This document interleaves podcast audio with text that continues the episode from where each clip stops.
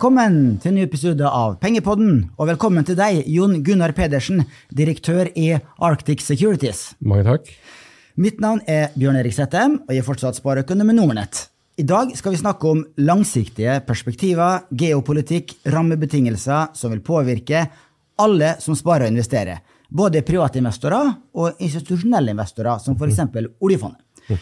Og min store helt, Kjell Inge Røkke fra min hjemby Molde, har tidligere brukt deg mye som rådgiver, muligens bruker fortsatt, og han har kalt deg en bauta og en usannsynlig intelligent og reflektert sjel. Det er ikke et verst skussmål, Jon Gunnar? Nei, det er det ikke. Det øker jo bare fallhøyden for hver gang jeg snakker med noen, så det er ikke bare positivt å ha, da.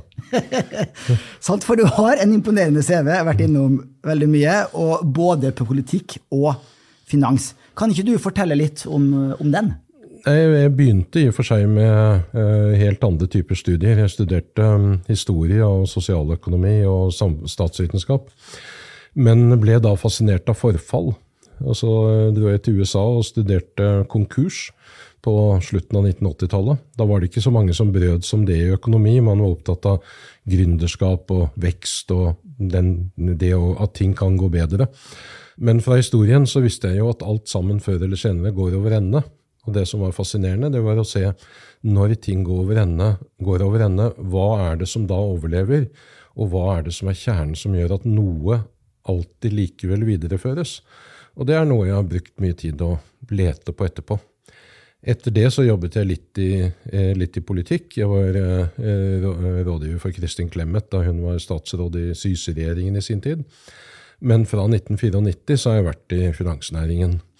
Først i noe som het Orkla Finans Fondsmegling, som senere ble fusjonert med SEB. Eh, da var jeg også i London en periode og satte opp et kontor for Orkla Finans der.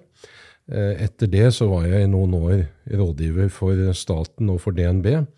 Jeg var rådgiver for staten på de privatiseringene de hadde på begynnelsen av eh, 2000-tallet og slutten av 1990-tallet. Daværende Statoil, Telenor, Cermaq. Eh, og også rådgiver for DNB over en periode.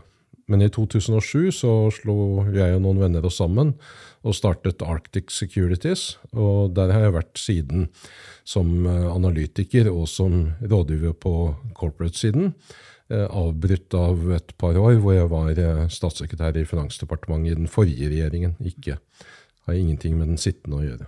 Litt spesielt å starte opp et nytt meglerhus rett før finanskrisen. Var det en plan bak det, eller var det Ja, det var i og for seg det. Eh, vi følte jo da i 2006-2007 at det gikk veldig bra i økonomien, og egentlig litt for bra. Og da visste vi jo at det som går opp, det vil av og til gå ned igjen.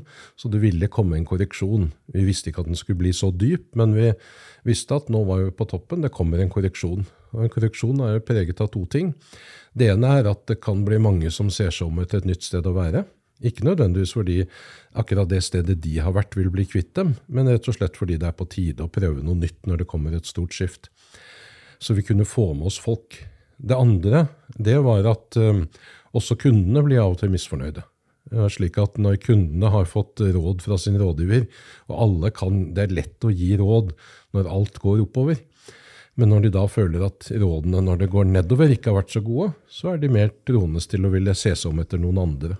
Og Hvis vi da kunne kombinere det å både være nye og ha erfaring, så kunne det gi en god start når nedgangen kom. Og så kom den og ble dypere og verre enn vi trodde. Men det gjorde jo da også at det var mulig å sette i gang nettopp midt i finanskrisen. Spennende tanke at du satser nær en topp, og så forventer du at det skal bli en kraftig korreksjon, og at da blir det lettere for nykommerne å konkurrere med de etablerte? Ja, og det, det, er jo nettopp det som er si, kjennetegnet for det kapitalistiske systemet. Det tror jeg er to, hviler på to veldig viktige uh, barrierer, i tillegg til en del sånne institusjoner som eiendomsrett og rettsstat og sånne ting. Det ene det er uh, prismekanismen. At prisene gir oss beskjed om hva folk vil ha mer av, og hva det er for mye av. Og hvis vi ødelegger de mekanismene, så ødelegger vi mye av dynamikken i økonomien, og vi eh, kan gjøre krisene mye større enn de ellers ville være, fordi ting, usikkerheter og ustabilitet kan bygges opp over tid. Mm. Den andre viktige tingen det er at man hele tiden rydder unna. Og Det er litt i forhold til det jeg sa om at jeg var interessert i konkurs. Hvis du ikke gir plass til det nye i økonomien, så blir det for mye av det gamle, og ting stagnerer. Du må ta unna litt hvert eneste år. Hvis ikke så vil det bygge seg opp noe, slik at hele byggverket kollapser etter en stund. Og da er oppryddingsjobben mye større. Så det å ha en jevnlig fornyelse, det krever ikke bare at du har gründere og nystartere, men også at du har et system som evner å rydde unna det som ikke lenger skal være der, og frigjøre arbeidskraft og kapital til ting som har mer for seg for den fremtiden man skal inn i. Sant? Og når vi snakker om eh, langsiktige perspektiver og fremtidsutsikter, så er det jo eh, veldig viktig å, å, å, kunne mye om historien, og det kan du. Og det var nok en av grunnene til at du var invitert inn som en av deltakere i det såkalte Sverdrup-utvalget, som i fjor overleverte en rapport, en norsk offentlig utredning, til Finansdepartementet med tittelen Fondet i en brytningstid. Statens pensjonsfond utland og endrede økonomiske og politiske utviklingstrekk. En rapport jeg mener eh, har fått altfor lite oppmerksomhet, og fikk det også den gangen. Jeg har nesten ikke fått den med meg jeg, før jeg eh, har lest den i etterkant. Eh, og eh, jeg mener jo at eh, også private sparere og investorer eh, kan lære mye av å lese den rapporten og høre hovedkonklusjonene fra rapporten, og hva disse landets fremste økonomer og statsvitere tenker om hva som vil påvirke oljefondet mest i tiden fremover. Og Derfor så sitter vi her nå. Eh, men la oss eh, starte litt enkelt, for ikke alle som vet hvordan oljefondet er oppbygd og hvor lang historikk det har og sånn. Så i dag eh, så er oljefondet litt over 15 000 milliarder norske kroner. Grovt sett så er det investert i rundt 70% aksjer og 30% renter. Og 15 000 milliarder, hvis du deler det på 5,4 millioner nordmenn, så får du jo litt over 2,5 million kroner per nordmann. Betydelig eh, beløp. Og én eh, av fem kroner på statsbudsjettet, dvs. Si én av fem barnehageplasser i Norge, én av fem nye veier osv., er finansiert av avkastninga fra oljefondet. Ingen hadde trodd at oljefondet skulle bli så stort da det første innskuddet kom i 1996. Eller hva? Det hadde ikke du noen anelse om, Jon Gunnar? Nei, og samtidig så er det sånn at historien bak oljefondet er ennå eh, vanskeligere, men samtidig illustrerende for hvordan Norge tenker og har lykkes å tenke enn det. Historien går egentlig helt tilbake til begynnelsen av 1980-tallet. Vi begynte å investere i olje på 1970-tallet. Da kom oljealderen som et veldig godt tilskudd til norsk økonomi, ikke bare pga. verdien den kunne skape. Tvert imot så var det jo tvil om lønnsomheten i mange utbygginger i den perioden. Men vi hadde en ny industri som i dag har vokst fra ingenting ved 1970 til å være landets største og viktigste bransje. Vi hadde en ny industri som kunne love både god lønnsevne, god kapitalavkastning og skatteinntekter til staten på en gang, i en periode hvor vi hadde mye norsk næringsliv, på samme måte som næringslivet i hele ellers av Europa, som var foreldet, som skulle fases ut, hvor arbeidsdelingen skulle ende seg. Så på 1980-tallet så, så vi at vi ville trenge arbeidskraft og frigjøre arbeidskraft fra andre sektorer for å sette inn i denne næringen. Men dersom det fungerte, så ville den og konjunkturene i oljesektoren få en veldig stor innvirkning på norsk økonomi. Så det ble et spørsmål hvor mye skal vi la forskjellene i oljepris få påvirke norsk økonomi fra det ene året til det andre. Det begynte under Heimod Skånland med noe som kaltes Tempoutvalget, eh, som så på nettopp kunne vi styre dette gjennom utbyggingen, utbyggingstakten og innfasingen av selve produksjonen. Og så fortsatte det gjennom 80-tallet under skiftende regjeringer.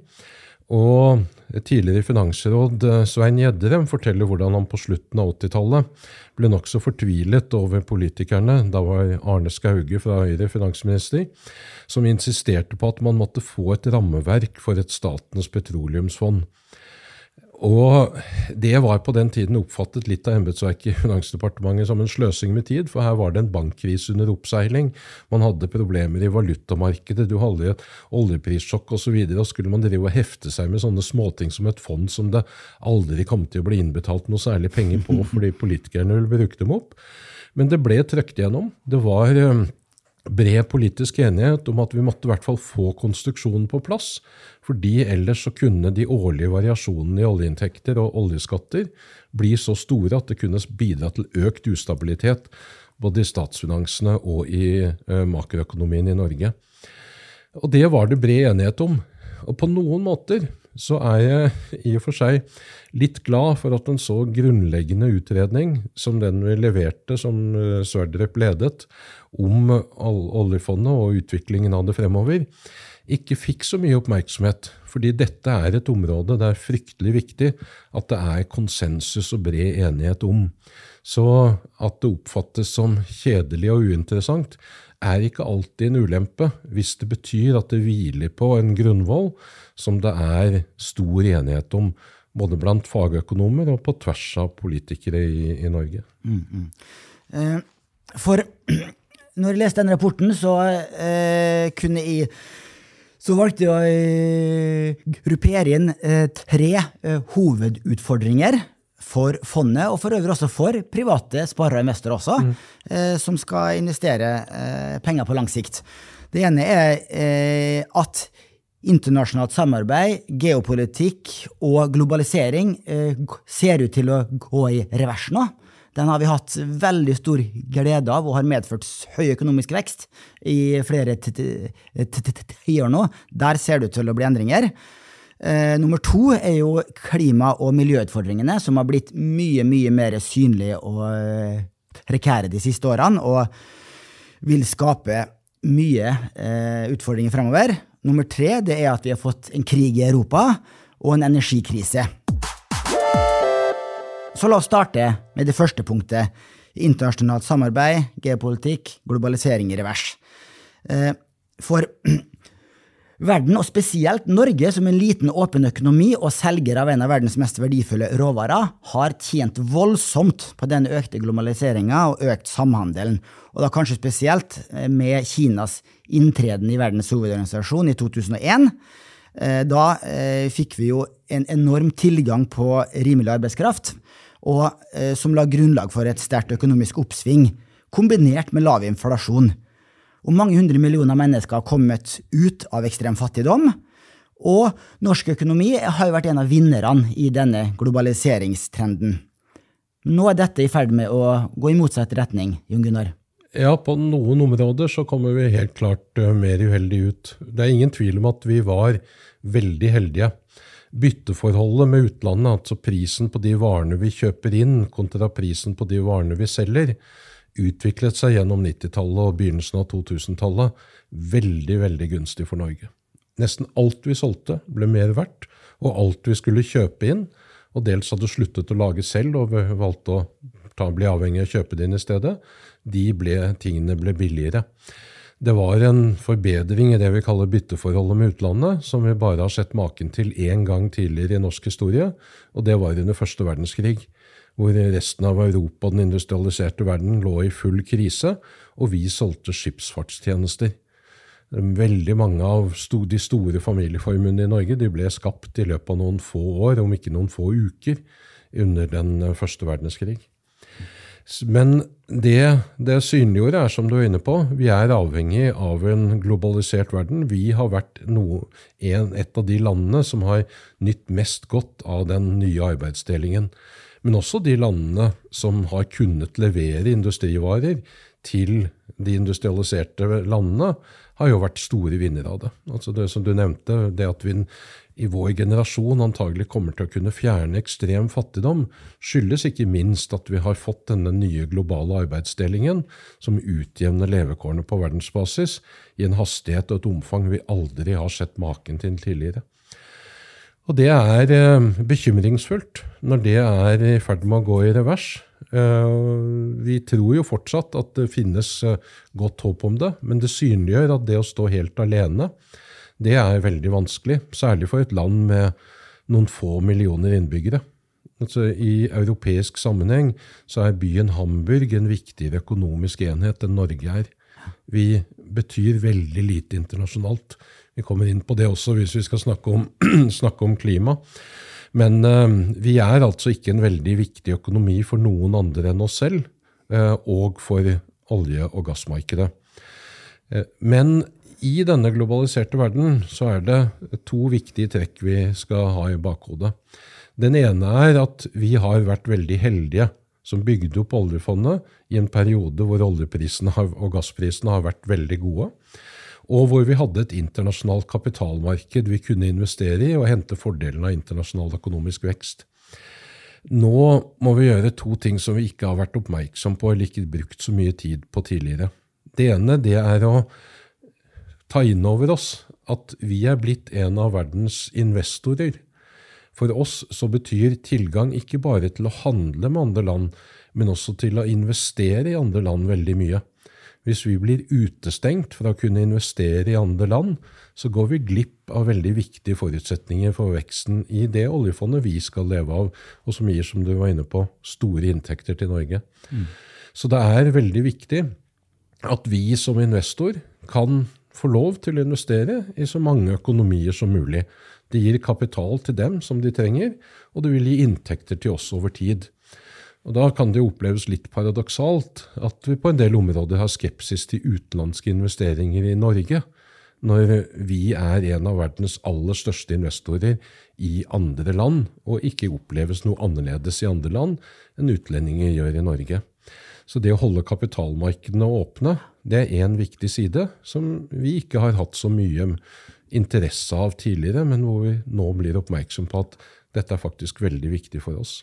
Det er et veldig godt poeng. for at, eh, Fortsatt blir jo Norge sett på som en petrostat, men vi er jo vel så mye en investorstat. Ja, vi er mer en investorstat enn vi er en petrostat.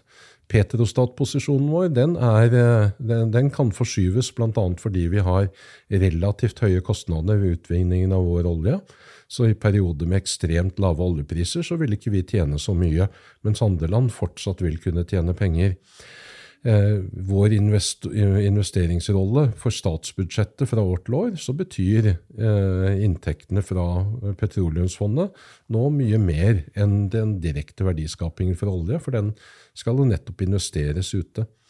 Vi har en buffer imellom. Men den andre siden som også dette gjør, det andre poenget som vi må forstå bedre, det er jo nettopp hvordan denne internasjonale økonomien virker. I en tid hvor det var ukomplisert, hvor alle land var interessert i å bli medlem av den samme globale verden, ja, da hadde vi ikke så store problemer med å måtte forstå andre land. Nå må vi gjøre det i mye større grad. Vi risikerer større konflikter, vi kan risikere at enkeltland plutselig blir stilt utenfor et investerbart marked, for å kalle det det, slik Russland ble for kort tid siden. Og da vil de pengene vi har investert i sånne land, de vil i utgangspunktet være tapt.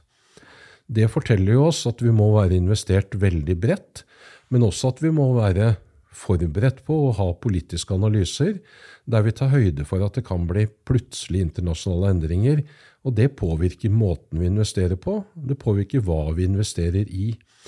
Og jo flere land som setter opp handelsbarrierer og barrierer for investorer, jo flere land som definerer enkeltnæringer og typer av virksomhet som strategisk viktige eller øh, øh, sentrale å holde nasjonalt eierskap i, jo større ulempe er det jo for oss som søker å på en helt fredelig og nøytral måte bare å investere kapitalen der den gjør mest nytte for de som skal ha den, og for oss som skal ha avkastning av den. Og Det å forstå det globale, det, det har egentlig ikke vært en del av uh, Petroleumsfondets mandat. Men Der har Finansdepartementet hatt en overordnet strategi, men den har igjen bygget på finansielle kriterier og egentlig en forventning om at verden har jo gått fremover, så det ville den fortsette å gjøre. Mm. Eh, du var inne på det at vi også ser mer eh, proteksjonisme. I USA har vi jo fått eh, Inflation Reduction Act, f.eks., som subsidierer innenlands virksomhet. Det har jo norske batteriprodusenter som uh, satser i USA isteden, for der får de mye mer subsidier enn her hjemme. I Europa så har vi jo uh, Green Deal og det fører jo da til mindre samhandel, og at ikke nødvendigvis det produseres der kostnaden er lavest.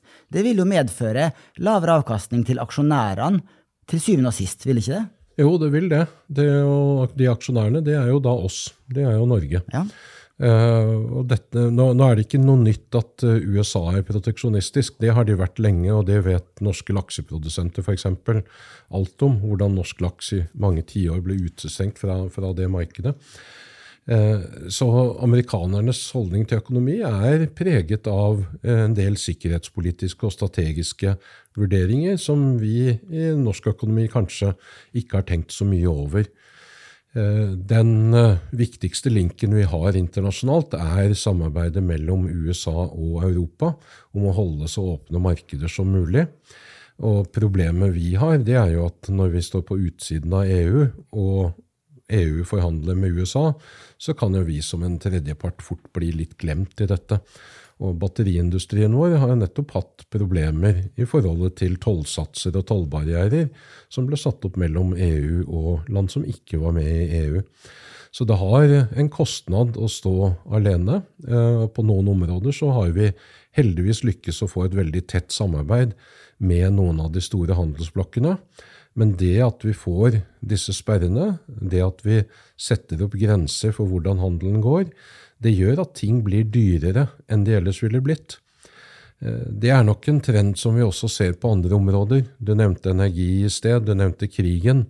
Det at vi må ha kortere forsyningslinjer, produsere ting selv selv om forutsetningene ikke er de beste for å gjøre det, eh, det gjør at vi både må søke sammen i så store blokker som mulig, da i hvert fall, slik at vi kan ha en arbeidsdeling oss imellom. Eh, men også at ting blir dyrere enn det ellers ville vært. Vi kommer til å bruke mer ressurser på ting som ikke gir så god avkastning. Mm -hmm. Og eh, den uh, politiske rivaliseringa har også blitt mer synlig de siste årene, spesielt mellom USA og Kina.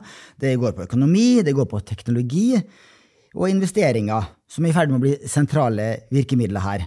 Uh, det har vært i media at USA nekter amerikanske chipprodusenter å selge de mest avanserte chipsene til Kina, for de er redd for at eh, Kina skal da eh, bli like god og kanskje bedre enn USA på teknologi og på AI og slike ting. Er du redd for det også, at det også vil eh, medføre lavere avkastning og høyere usikkerhet fremover? Ja, det, det vil de jo gjøre, men jeg skal vel innrømme, nå, nå er ikke jeg verken historiker eller samfunnsøkonom av yrke, men Eh, jeg er egentlig mest redd for Kinas svakhet og ikke dets styrke. Det er en stat som er verdens, nå verdens nest største i folketall, med et svært autoritært regime og en veldig sentralstyrt økonomi, som fortsatt har enorme forskjeller mellom folk, med noen av de aller, aller rikeste menneskene på planeten, og titalls millioner som lever i ytterste fattigdom fortsatt. Eh, det er et land med store spenninger internt, både politisk og religiøst og økonomisk og regionalt og etnisk, for den saks skyld. Eh, og jeg kan eh, forstå noe om hvordan kinesiske myndigheter tenker, i den forstand at en fast hånd er nødvendig for å styre et så komplekst og sammensatt land med en så stor del av verdens befolkning. Og sånn har Kina alltid vært. Det har alltid vært styrt av nokså håndfaste og til dels brutale keisere eller andre, andre styrere. Men eh, det gjør også at systemet er svakt. At du kan ta enorme feilbeslutninger fordi det er noen få som tar beslutningene, og det ikke utsettes hele tiden for det som jeg snakket om, som var kapitalismens suksess, nemlig at prismekanismen fungerer, og at du hele tiden rydder unna noe av det gamle for å gi det nye plass til å slippe frem det er klart at du har systemer og land som kan få det til å fungere veldig bra i perioder. Og i Kina så har overgangen fra det ekstremt fattige til å skape stor rikdom for mange, mange hundre millioner mennesker eh, vært bygd på at de hadde mange ledige ressurser å ta i bruk. Men i et sånt system så er risikoen for enorme feilbeslutninger veldig mye større enn i et diversifisert økonomisk system, hvor det ikke bare er en liten komité på toppen, men titusener av millioner av småsparere som hver tar sine individuelle beslutninger og, og vurderinger, og hvor summen av dem er en type økonomisk, demokratisk styring som har vist seg å være veldig vellykket de siste par hundre årene. Mm. Neste punkt på lista mi er klima- og miljøutfordringer. Og eh, sant, ja, for eh, klimagassutslipp har fortsatt å øke, og biologisk mangfold er kraftig redusert. Klimaendringene har allerede en stor direkte betydning for global økonomi og samfunn. Og vi står foran en betydelig omstilling fra fossile energikilder til fornybare. Eh, og uten en kursendring her, så vil det lede til sammenbrudd av viktige økosystemer og true livsgrunnlaget for millioner av mennesker. Og her er det stor usikkerhet. Man vet ikke helt. Man krangler om hvor stor effekt har disse eh, klimaendringene, og er de menneskeskapt og ikke? Og hva er din eh, take? Hvordan skal private sparere, investorer og oljefondet eh, se på det her og håndtere klimarisiko best mulig? For det første så er det helt riktig at Norge er en liten aktør i dette. Men det gjelder alle land. Vi eh, slipper ut under 1% eller noe sånt av klodens klimagassutslipp. Men det er jo ikke så rart. Vi er en promille av verdens befolkning. Eh, så vi er Alle land, med noen få unntak, er en veldig liten del av verdensøkonomien. Så det, med, 200, med, om lag 200 land i verden, så er hva det enkelte landet bidrar med, med et par unntak, da, USA, Kina og de aller største landene, eh, så er det tilsynelatende veldig lite man kan gjøre. Men det betyr bare at absolutt alle er nødt til å gjøre noe. Mm. Det andre, det er å øh, Klimaskepsis. Jeg tror bare det å fly over en hvilken som helst verdensdel om natta og se ut av vinduet og se på hvor mye lys det fins, selv i de mest ubebodde områdene av store verdensdeler. og Hvis du flyr over, eh, over Asia mot, eh, mot, Singapore eller eh, Thailand f.eks., så vil du se at mennesket er nå overalt. Er, det er milliarder av oss. Vi bygger, vi skaper. Vi har bygd en levestandard og en produksjonskapasitet som er helt fabelaktig i forhold til hva vi hadde for et par hundre år siden. Si, Hvis vi ikke skulle greie å påvirke klimaet, hva i all verden skulle vi greie å påvirke da? Så vi, Selvsagt gjør vår aktivitet en forskjell i forhold til hvordan kloden utvikler seg. Men det er jo også det optimistiske i det. Fordi når vi kan påvirke klimaet den ene veien, så er det like selvsagt for meg at vi kan påvirke klimaet den andre veien. Og igjen så handler det om å bruke de mekanismene som vi vet virker, nemlig prismekanismene. Vi har ikke hatt noe pris på klimautslipp, altså slipper vi ut for mye klima. Enhver ting vi ikke har noen pris på eller noen kostnad knyttet til, vil det fort bli for mye av. Hvis vi priser det riktig i forhold til å redusere det og de kostnadene det påfører oss, ja, så vil det markedssystemet i seg selv kunne hjelpe til å rette dette mye opp. Og akkurat de kostnadene blir jo synliggjort for oss.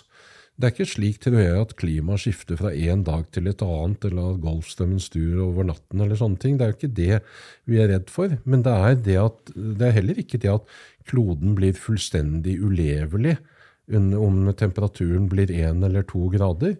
Men det blir at det forskyver ting som i dag fremstår som relativt stabile. Og det blir veldig ustabilt vær, f.eks som gjør at vi må bygge annerledes, vi må bygge bedre, vi må flytte ting fra, bort fra der de ligger nå, og til andre steder. Ikke bare bort fra elvebredden og lenger opp i lia i Norge, men kanskje fra ørkenområder til andre steder av verden, i andre deler av, av, av verden. Og det er disse endringene, de koster jo penger.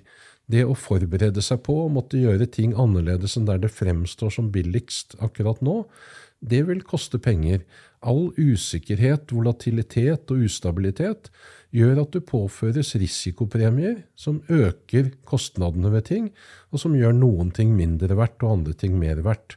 Så den, det er denne forskyvingen, uroen det skaper i økonomien, som påfører oss store kostnader, selv om det ikke er slik at menneskeheten ikke kan overleve som art. Vi er ekstremt tilpasningsdyktige.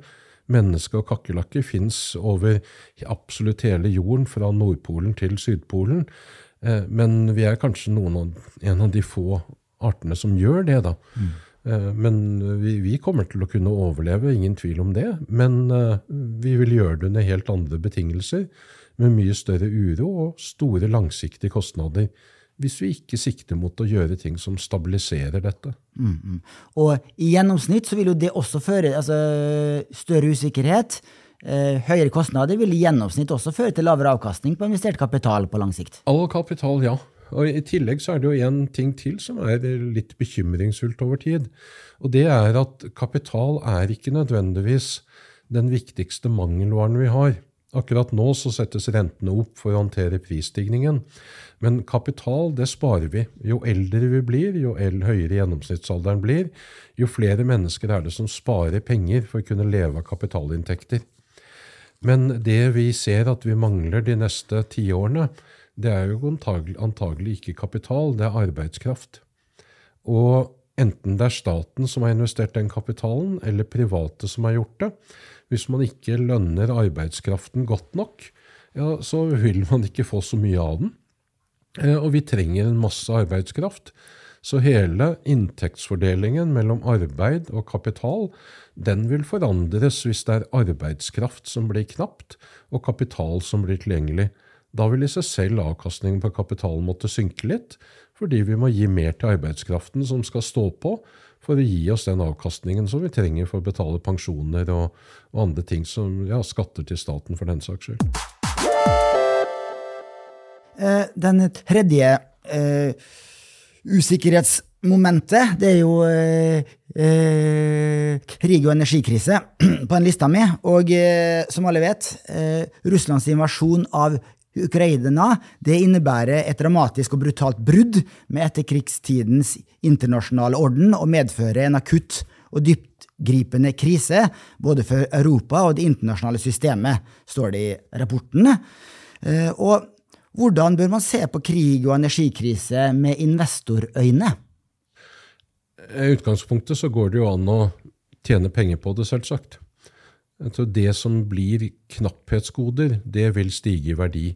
I noen områder er det vann, i noen tilfeller vil det være våpen, i andre tilfeller vil det være olje. Så sett ut fra et investorståsted, det, det som det blir knapphet på i en sånn krise, det går det an å investere i fordi prisene øker på det. Men prisstigning har to årsaker, i hvert fall. Den ene årsaken det er at folk bare slåss om hvordan man skal fordele overskuddet, slik at skal det gå til arbeid eller kapital eller til staten, lønnsoppgjør og sånne ting, og da fordeler man på nytt, og så økes prisene for å kompensere for den endrede resultatet av en kamp mellom arbeid og kapital. Men eh, det er én type uh, prisstigning. Den prisstigningen du viser til, den skyldes at ting reelt sett har blitt dyrere. Det koster mer å få tak i energi enn det gjorde tidligere, fordi noen kilder er blitt stengt, for, i hvert fall for oss. Det at vi har krig, er en fullstendig ødeleggelse av verdier som ikke har noen samfunnsøkonomisk positive sider. Det går an som investor å tjene penger på det, men for samfunnet under ett så har energikrisen gjort oss alle fattigere, og krig er destruktivt ikke bare fordi veldig ofte uskyldige som rammes av det, men også for alle andre, fordi verdier blir permanent ødelagt. Vi pleide å si at det var to ting vi ikke greier å regne samfunnsøkonomisk lønnsomhet av for myndighetene. og Det er investeringer eller bidragene til statskirken eller til kirkesamfunn og til Forsvaret. Det greier du ikke å sette inn i noen vanlige samfunnsøkonomiske modeller før den dagen du står ved St. Peters port, eller du møter en russisk stridsvognskadron. Og det er noe i det at krig synliggjør selve den grunnleggende hovedoppgaven for staten. Men det at man må investere for å beskytte seg, det er jo i utgangspunktet bortkastede penger. Du får trygghet igjen for det, men det er jo en trygghet vi hadde håpet vi kunne oppnå på andre måter, og som vi i vår naivitet trodde vi kunne oppnå på andre måter. Men det er ødeleggende. Enhver krig ødelegger liv. Det gir enorme kostnader for samfunnet for å ta vare på de som blir skadet på sjel eller kropp av krigen. Det er ødeleggelse av verdier, forsyningskjeder. Det er eh, bare destruktivt. Så det gjør oss alle fattigere at det er en så alvorlig og ødeleggende krig i det som reelt sett involverer et av våre naboland. Jeg er helt enig. Og, og eh, eh, de pengene da som eh, brukes til å ruste opp Forsvaret, kunne vært brukt til innovasjon, eh, miljøtiltak, for å skape ny og sunn vekst. En masse positive ting som vi nå er nødt til å bruke på ammunisjon i stedet. Mm. Samtidig synliggjør det jo også dilemmaet og hvorfor det er viktig ikke bare å stå alene, men å stå sammen med andre. Eh, dette synliggjør en, eh, at det finnes noen eksistensielle trusler mot det samfunnet vi har, og som vi er nødt til å gå sammen for å beskytte oss mot. Men vi får jo håpe at vi over tid finner bedre og mer konstruktive og mer samfunnsøkonomisk riktige måter å løse den type tillitskriser på. På noen områder hjelper det jo. Så vi bruker ikke penger på grensefestninger mot Sverige lenger. Det hadde vært rent bortsløst tid. Så vi, det går an å normalisere ting som gjennom tidligere tider har kostet masse penger.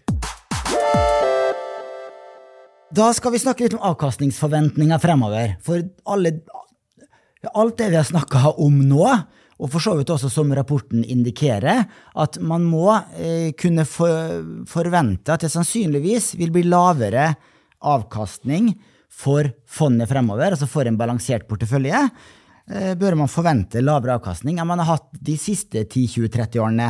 For eh, fondets avkastning siden oppstart i etableringa i 1998 eh, og frem til nå ved siste halvår har gitt en årlig nominell avkastning på nøyaktig 5,99 mm.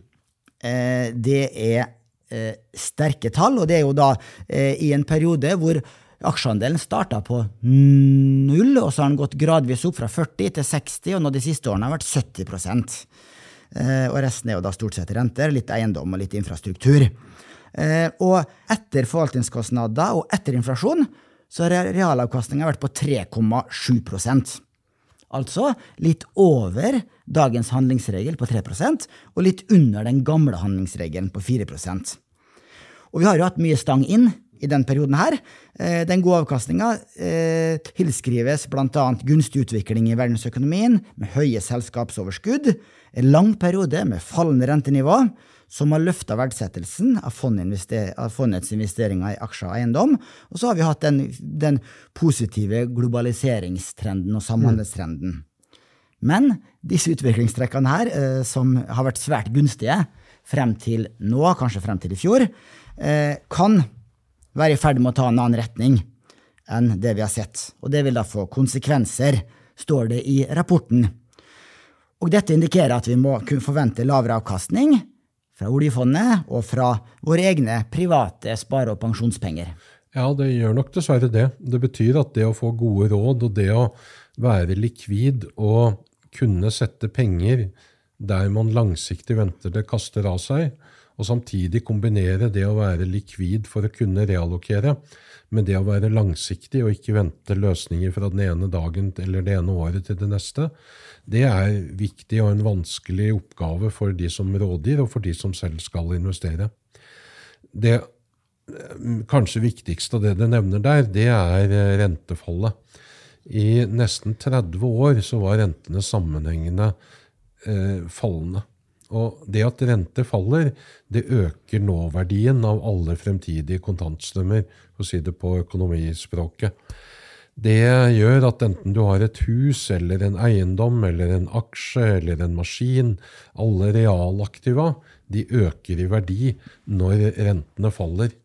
Jeg pleier å bruke som eksempel en, min onkel i Trondheim som kjøpte et hus der i 1974. Det huset har blitt 15 ganger så mye verdt i løpet av den perioden han har bodd der. Men det er det samme huset.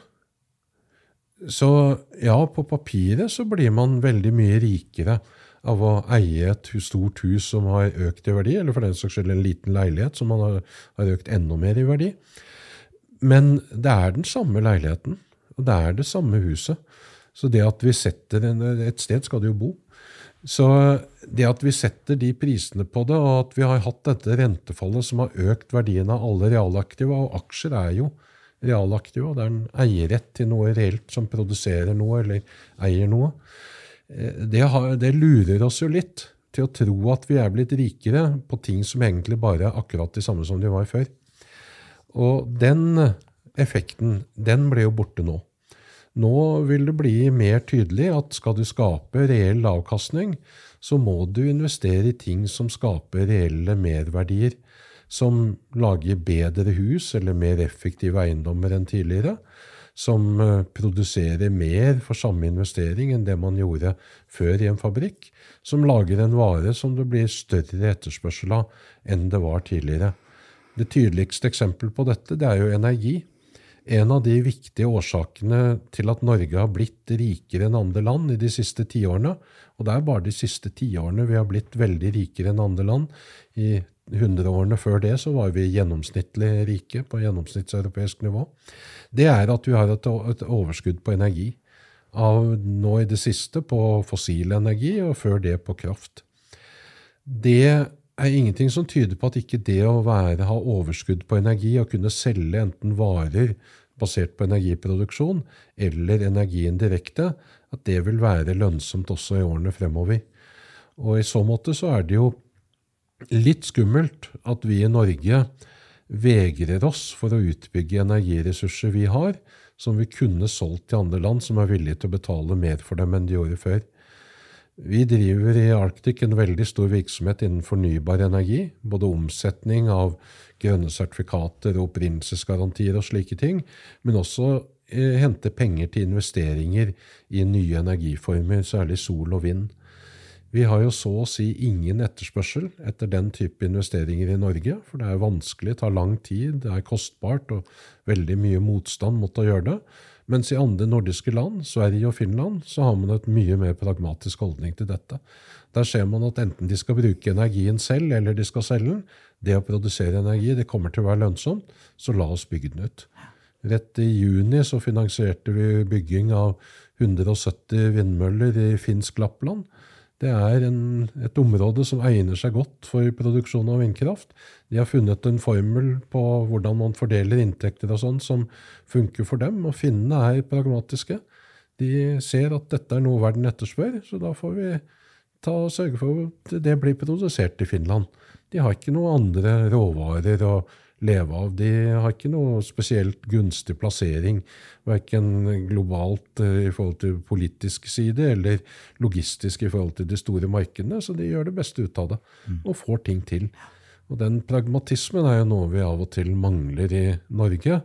Og det, det er veldig synd, fordi den konsensusen vi har hatt om grunnleggende politiske ting, inkludert da eh, oljefondet, som vi har vært innom, har, det har tjent oss veldig vel at vi har kunnet ta en pragmatisk og ikke for populistisk eller eh, konfliktsøkende eh, diskusjon om sånne ting. Mm.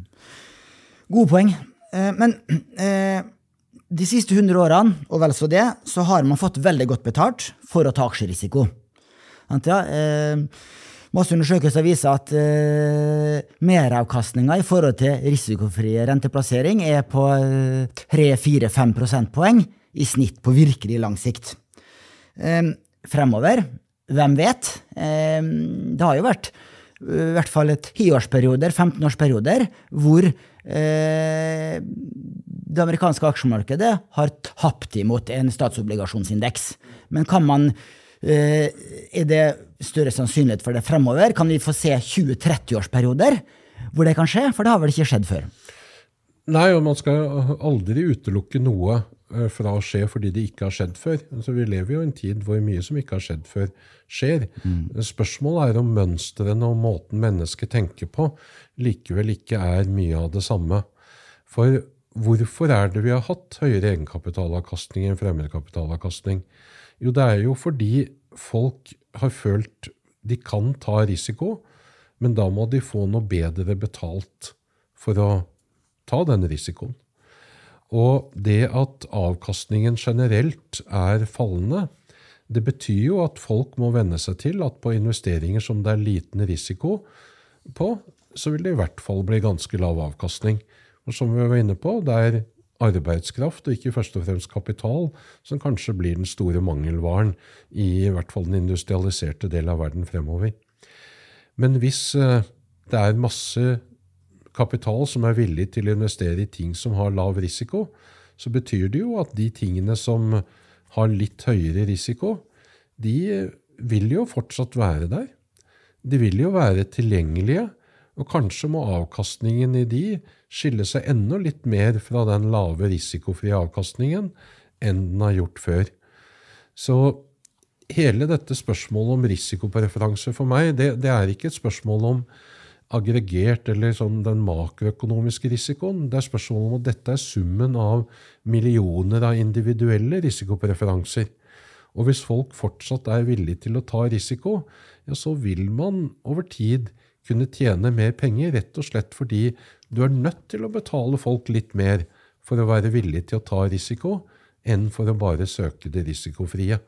Så selv om du i perioder kan, ha, kan det være slik at veldig, de som tar risiko, tar feil, så er likevel min tillit til at jo da, men over lang tid så har det vist seg at når vi lar beslutningene tas ikke av en sentralkomité eller av en stat eller et storting eller en regjering, men av millioner av investorer over hele verden, og titusener, hundretusener av folk som har gode ideer til det nye du skal gjøre, ja, så fungerer det systemet over tid og gir en meravkastning, betaler for at du tar den risikoen og er villig til å gjøre det. Og jeg har tillit til at det systemet kommer til å fungere fremover også. Det er masse gode ideer der ute. Det vi bare må være åpne for, er at det å være diversifisert nå, det betyr kanskje å være diversifisert over enda flere bransjer og enda flere regioner enn vi har vært tidligere. Som vi var inne på tidligere, Norge utgjør én promille av verdens befolkning. Det betyr at én av tusen gode ideer den oppstår i Norge.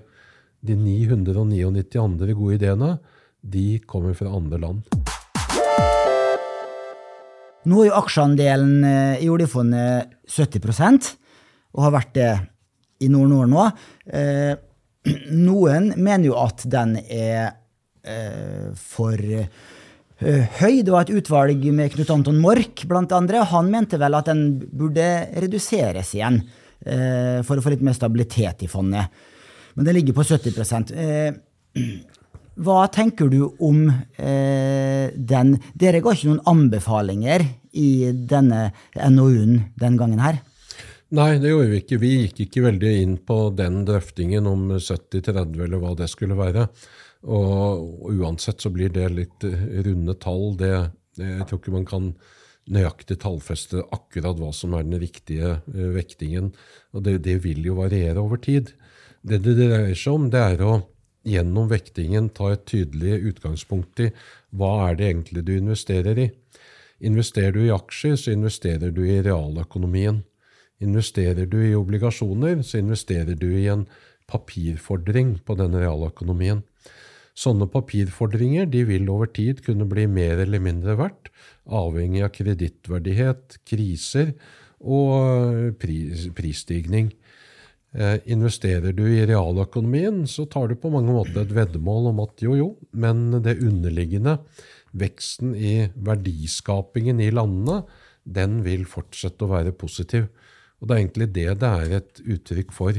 At det er viktig å være med i verdiskapingen i verden rundt omkring. Og realiteten er jo at det er jo sånn staten er i Norge.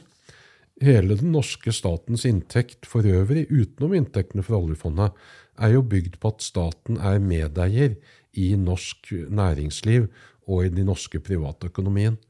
Vi tar inn penger i skatt fra husholdningene, så den er avhengig av lønningene samt selvsagt av pensjonene som staten betaler. Så det ble en sirkeløkonomi akkurat der. Og den er avhengig av verdiskapingen i alle norske bedrifter. Det har vært snakket om at man burde ha investert mer av oljefondet i, i Norge, hvilket er en rar tanke all den stund vi allerede har det største kapitalforvalteren i Norge, Folketrygdfondet, som er eh, investert i børsen såpass mye at det, det, det renner over. Eh, I tillegg så har jo staten skatteinntekter fra alle bedrifter som går med overskudd. Så uten å skyte inn en eneste krone i egenkapital, så tar man ut 22 av overskuddet i alle bedriftene. Så det er jo en direkte avhengighet av norsk økonomi i det.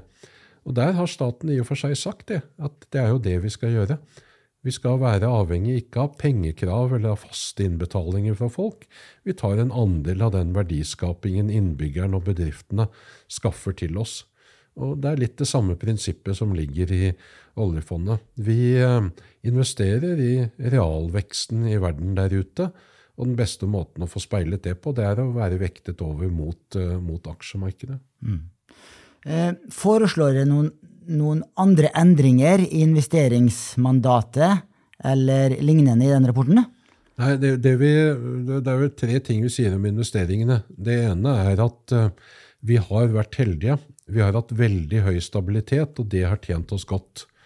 Eh, det at vi er langsiktige, at du ikke lar deg rive med i kortsiktige endringer, at du kan tape 1000 milliarder like lett som du kan tjene det, men det må vi tåle, for det er svingninger markedet gir oss. Det at vi har bred enighet om det, om hovedprinsippene i fondet, at det er investert for å skape avkastning, ikke fordi noen typer avkastning er bedre enn andre. At det er investert i utlandet for å skjerme oss fra svingningene i norsk økonomi. At det er investert i valuta, slik at vi nyter godt av det. Oljefondet blir mer verdt når tilliten til norske kroner er liten, og mindre verdt når tilliten til norske kroner er stor, og vi antagelig trenger det mindre. Så de prinsippene har tjent oss veldig bra, og det bør de fortsette med. Så sier vi at på noen områder så vokser det da frem klima, eh, slike ting som klimarisiko, som man må være oppmerksom på, og som fondet allerede ser på. Både forholdet til en del etiske spørsmål rundt barnearbeid og vannressurser har de vært opptatt av lenge, men at klimarisiko blir et viktigere område, og det virker det som om fondet er veldig på ballen på. Det siste punktet som vi tok opp, det var at det de ikke hadde et system for, og som vi ikke har sett så mye på, det er det vi innledet med å snakke om, nemlig det globale risikobildet. De globale alliansene, proteksjonismen som vokser igjen, behovet vi kan ha for plutselige omjusteringer, at noen land ikke blir investerbare for oss lenger pga. krig eller krise internasjonalt. Den type analyse den har vi manglet, og det må vi gjøre mer av så er det et område hvor vi ikke konkluderer, men hvor vi nevner at det er en mulighet for at mer av økonomien i verden flyttes bort fra børsene og inn i kall det nasjonale markedsplasser eller nasjonalt eierskap. Altså at utlendinger ikke får lov til å investere, eller at staten overtar deler av økonomien som en følge av disse geopolitiske endringene. Og Det skaper utfordringer for fondet. Fordi da får vi ikke investert i den brede verdiskapingen. Fordi store deler av økonomien i viktige land kan bli umuliggjort. Altså Vi får ikke investert der, selv om vi gjerne ville kjøpt det. Og det må vi se på metoder for å kunne kompensere for. Eh, men det kan godt hende det kan gjøres gjennom justeringer av mandatet på børsene. Og bare justere indeksene der. Det kan hende at det også krever at vi investerer i unoterte papirer. Men det er mange risikoer ved det, særlig knyttet til det likviditet. Det er lett å komme seg inn i unoterte investeringer, men hvordan i all verden kommer det ut av dem? I tillegg så er det å administrere og verdsette unoterte investeringer det er veldig vanskelig. Det er vanskelig, og det som er vanskelig, det er også dyrt. Så vi er, vi er tilbakeholdne med det, og, men anbefaler at man bør se videre på dette. Men det er ikke noen entydig anbefaling om at vi må gjøre det. Men vi må ta hensyn til at den geopolitiske situasjonen kan gjøre at vi kanskje blir mer avhengig av det fremover. Så det må man sette i gang et arbeid på, og det er det et arbeid i gang på. Sant. Eh, det er jo helt naturlig at man gjør den vurderinga, for det er, vel, det er, vel, en større andel av næringslivet også som, har, eh, som ikke er børsnotert enn for noen år tilbake, så jeg. Sånn at det, den private equity andelen da, har steget som en andel av det totale eh, næringslivet og børsverdiene. Ja, det har den gjort. Og så står det en del til, igjen å bevise at private equity skaper verdier også for investoren, og ikke bare for forvalterne. Så, så, det gjenstår nok noen vurderinger der. Det er eh, spesielt vanskelig å lage et system der vi får, er sikret at vi får de riktige verdsettelsene. Eh, det er jo ting man må jobbe med, og som jeg vet eh, NBIM og de som jobber med det, er veldig opptatt av å se på. Men noe av det vanskeligste er knyttet til likviditeten i investeringene. Retten til å kunne ombestemme seg og trekke midler raskt ut fordi det skjer geopolitiske endringer. Og I det så ligger det at hovedmodellen med at vi i all hovedsak må være investert i likvide, børsnoterte markeder, og i veldig mange land den, eh, den, kommer ikke til å endres. og Den, eh, den er det bred enighet støtte, om å støtte til. Ja, det, blir jo, det, det, blir jo, en mindre andel i så fall. Det utgjør jo eiendom 2-3% av porteføljen. Men jeg er helt sikker på at eh, hvis det åpnes for private equity etter hvert, så kommer vi til å se skandaleoppslag at en og, en og annen forvalter, private equity-fond forvalter, har tjent eh, 1800 millioner kroner på oljefondet, fordi at det er høye kostnader, som du sier. Du må ha dyktige, de flinkeste folkene tar seg veldig godt betalt innenfor private equity. Ja, og det er et problem i seg selv. Fordi dette fondet er ikke et hvilket som helst fond. At det har en renommérisiko knyttet til seg som kan være veldig vanskelig. Det fondet gjorde jo i sin tid en unotert investering i Formel 1, Formel 1 som var, uh, var, ble, ga veldig uheldige konsekvenser. Og det er et fond hvor det aller meste handler nettopp om tilliten til at de som jobber med det, de vet hva de gjør, og det er ingen som beriker seg urimelig på fellesskapets bekostning av de investeringene vi gjør.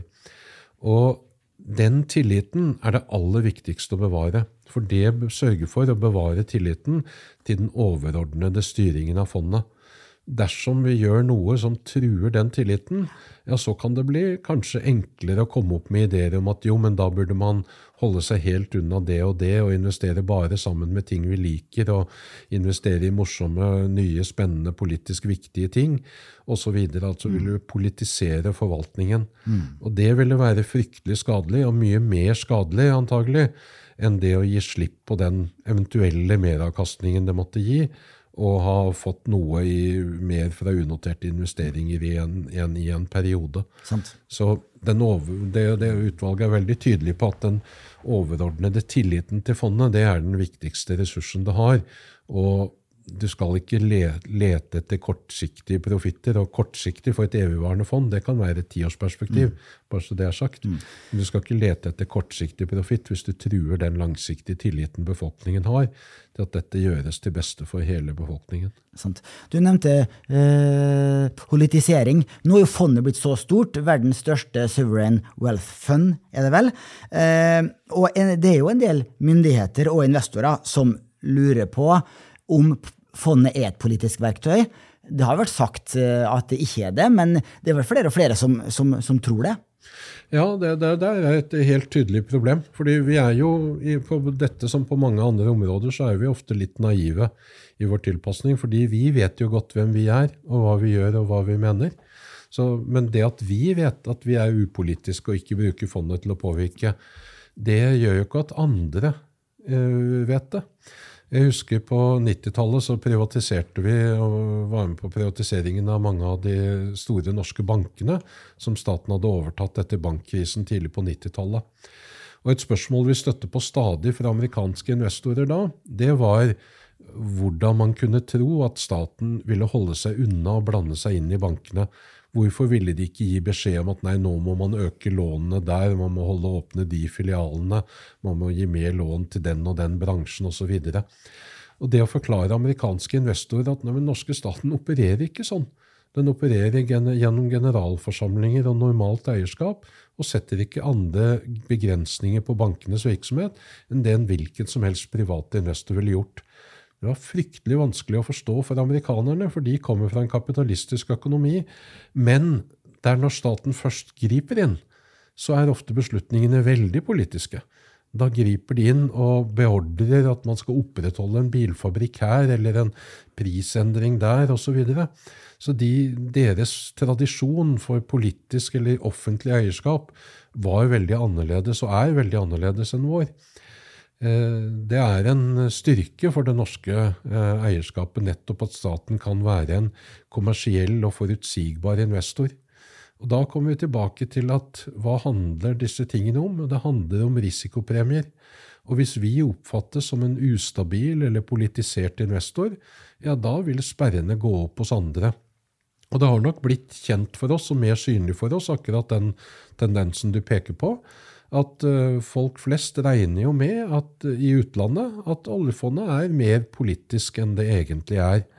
Og da må vi bruke mer av våre kall det utenrikspolitiske ressurser, da, ambassader og det nettverket vi har gjennom internasjonale organisasjoner, for å korrigere det bildet. Så for som jeg var inne på tidligere, Vi har gått over til å bli en investorstat, og vi må forklare, og det er i vår interesse å forklare, at eh, utenlandske investeringer i et land det trenger ikke å være noe gærent i det. Tvert imot, det kan hjelpe med å bygge opp landet. Og det at man da får en avkastning på det, det er en verdideling av noe som har skapt verdier i det landet investeringen fant sted. Mm. Det er i utgangspunktet selvsagt og selvforklarende, men vi merker jo at selv i norsk politisk debatt så er det jo brukt som argument for å skattlegge enkeltsektorer at utlendinger har en høy eierandel. Så vi, vi, vi, sitter der og forvalter verdens største fond, og så klager vi at utlendinger investerer i norsk økonomi. Det er en selvmotsigelse som er, er farlig og, og, kan sette store verdier på spill for oss. Sant. Vi skal gå inn for landing. Eh, jeg vil bare si at eh, når jeg leste den rapporten, så var det jo mye dyster lesning mye. Eh, de fleste argumenter og synspunkter jeg så, eh, leda til at man må forvente lavere avkastning eh, som langsiktig investor i aksjer, i renter, i eiendom enn hva man har hatt. Men hvor er lyspunktene? Har du noen gladord på slutten? Ja, det, det, jeg tror nok det går igjen en holdning å, i den utredningen som preger mye av norsk finansdepartementssektor og annen tenking, nemlig at man skal alltid være bekymret, men aldri urolig, fordi vi har ressurser til å kunne håndtere det meste som verden måtte kaste mot oss. Og det finnes jo da noen sektorer. For det første så tror jeg jo at det at energi har blitt dyrere, det er jo en beskjed til oss alle om at energi er en etterspurt og forferdelig viktig vare. Jo renere den er, jo mer er folk og økonomiske systemer og myndigheter og andre villige til å betale for den over tid. Vi kommer til å få en omstilling av energisystemene, og energi vil fortsatt være en av de aller, aller viktigste driverne til velstand og verdiskaping for menneskeheten. Så det er en sektor jeg tror vi har tjent godt på å være en stor produsent av gjennom over 100 år. Og det er ingen grunn til å ikke skulle fortsette å prøve det. Og det gjelder da også investeringer i energisektoren på lang sikt, i, i, uansett hvor den måtte være. Mm. Den andre siden er det som kan bidra til å øke produktiviteten i det vi holder på med. Det er et av de store problemene i den industrialiserte verden nå, har vært eh, at vi har fortsatt produktivitetsvekst, men den er lavere enn den var i en lang periode. Nå skjer det jo nye grep, bl.a. innen kunstig intelligens, som synliggjør at prosesser vi tidligere trodde vi måtte gjøre manuelt, kan nå datamaskinene hjelpe oss med å gjøre på en mye mer effektiv måte enn tidligere. Mange faretruende ting ved det, men alle endringer har både risiko og muligheter i seg. Så på den ene siden så må vi løpe fort for å regulere det på en ordentlig måte. På den andre siden, det skaper enorme nye muligheter. Og så er det sånn i alle nye muligheter at igjen må du diversifisere.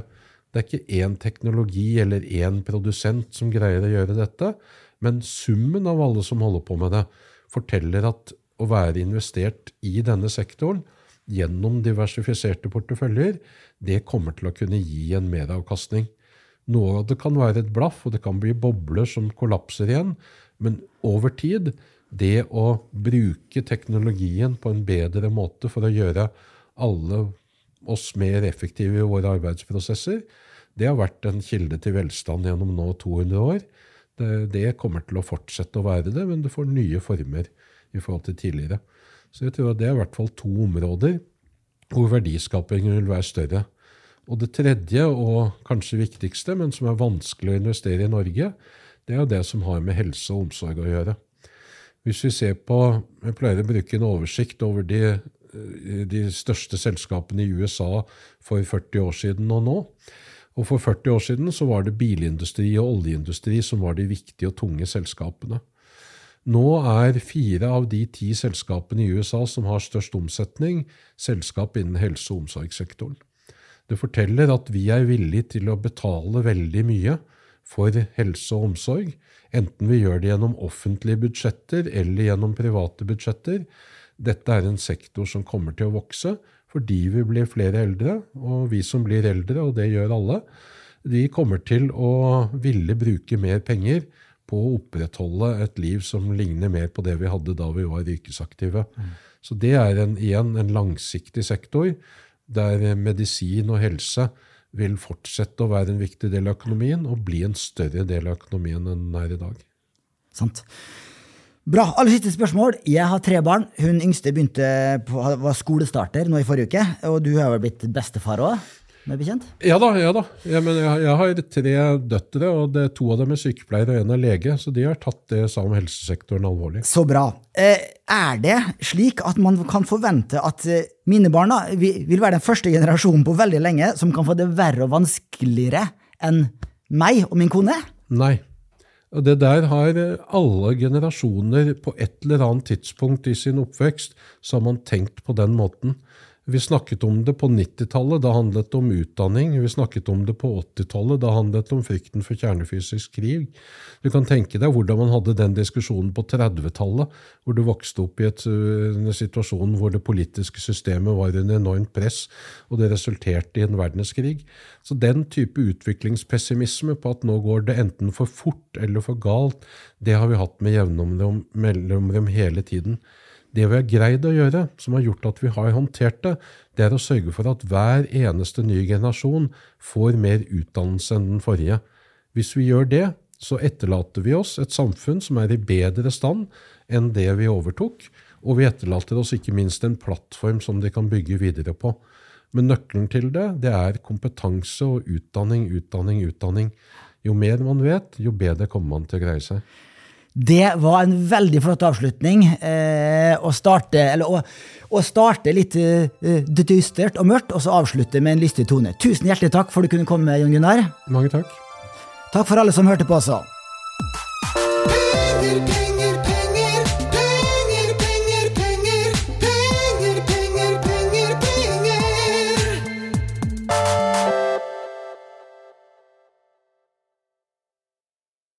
Denne podkasten skal anses som markedsføringsmateriell, og innholdet må ikke oppfattes som en investeringsanbefaling.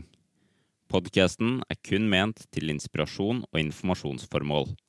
Nordnett tar ikke ansvar for eventuelle tap som måtte oppstå ved bruk av informasjonen i denne podkasten.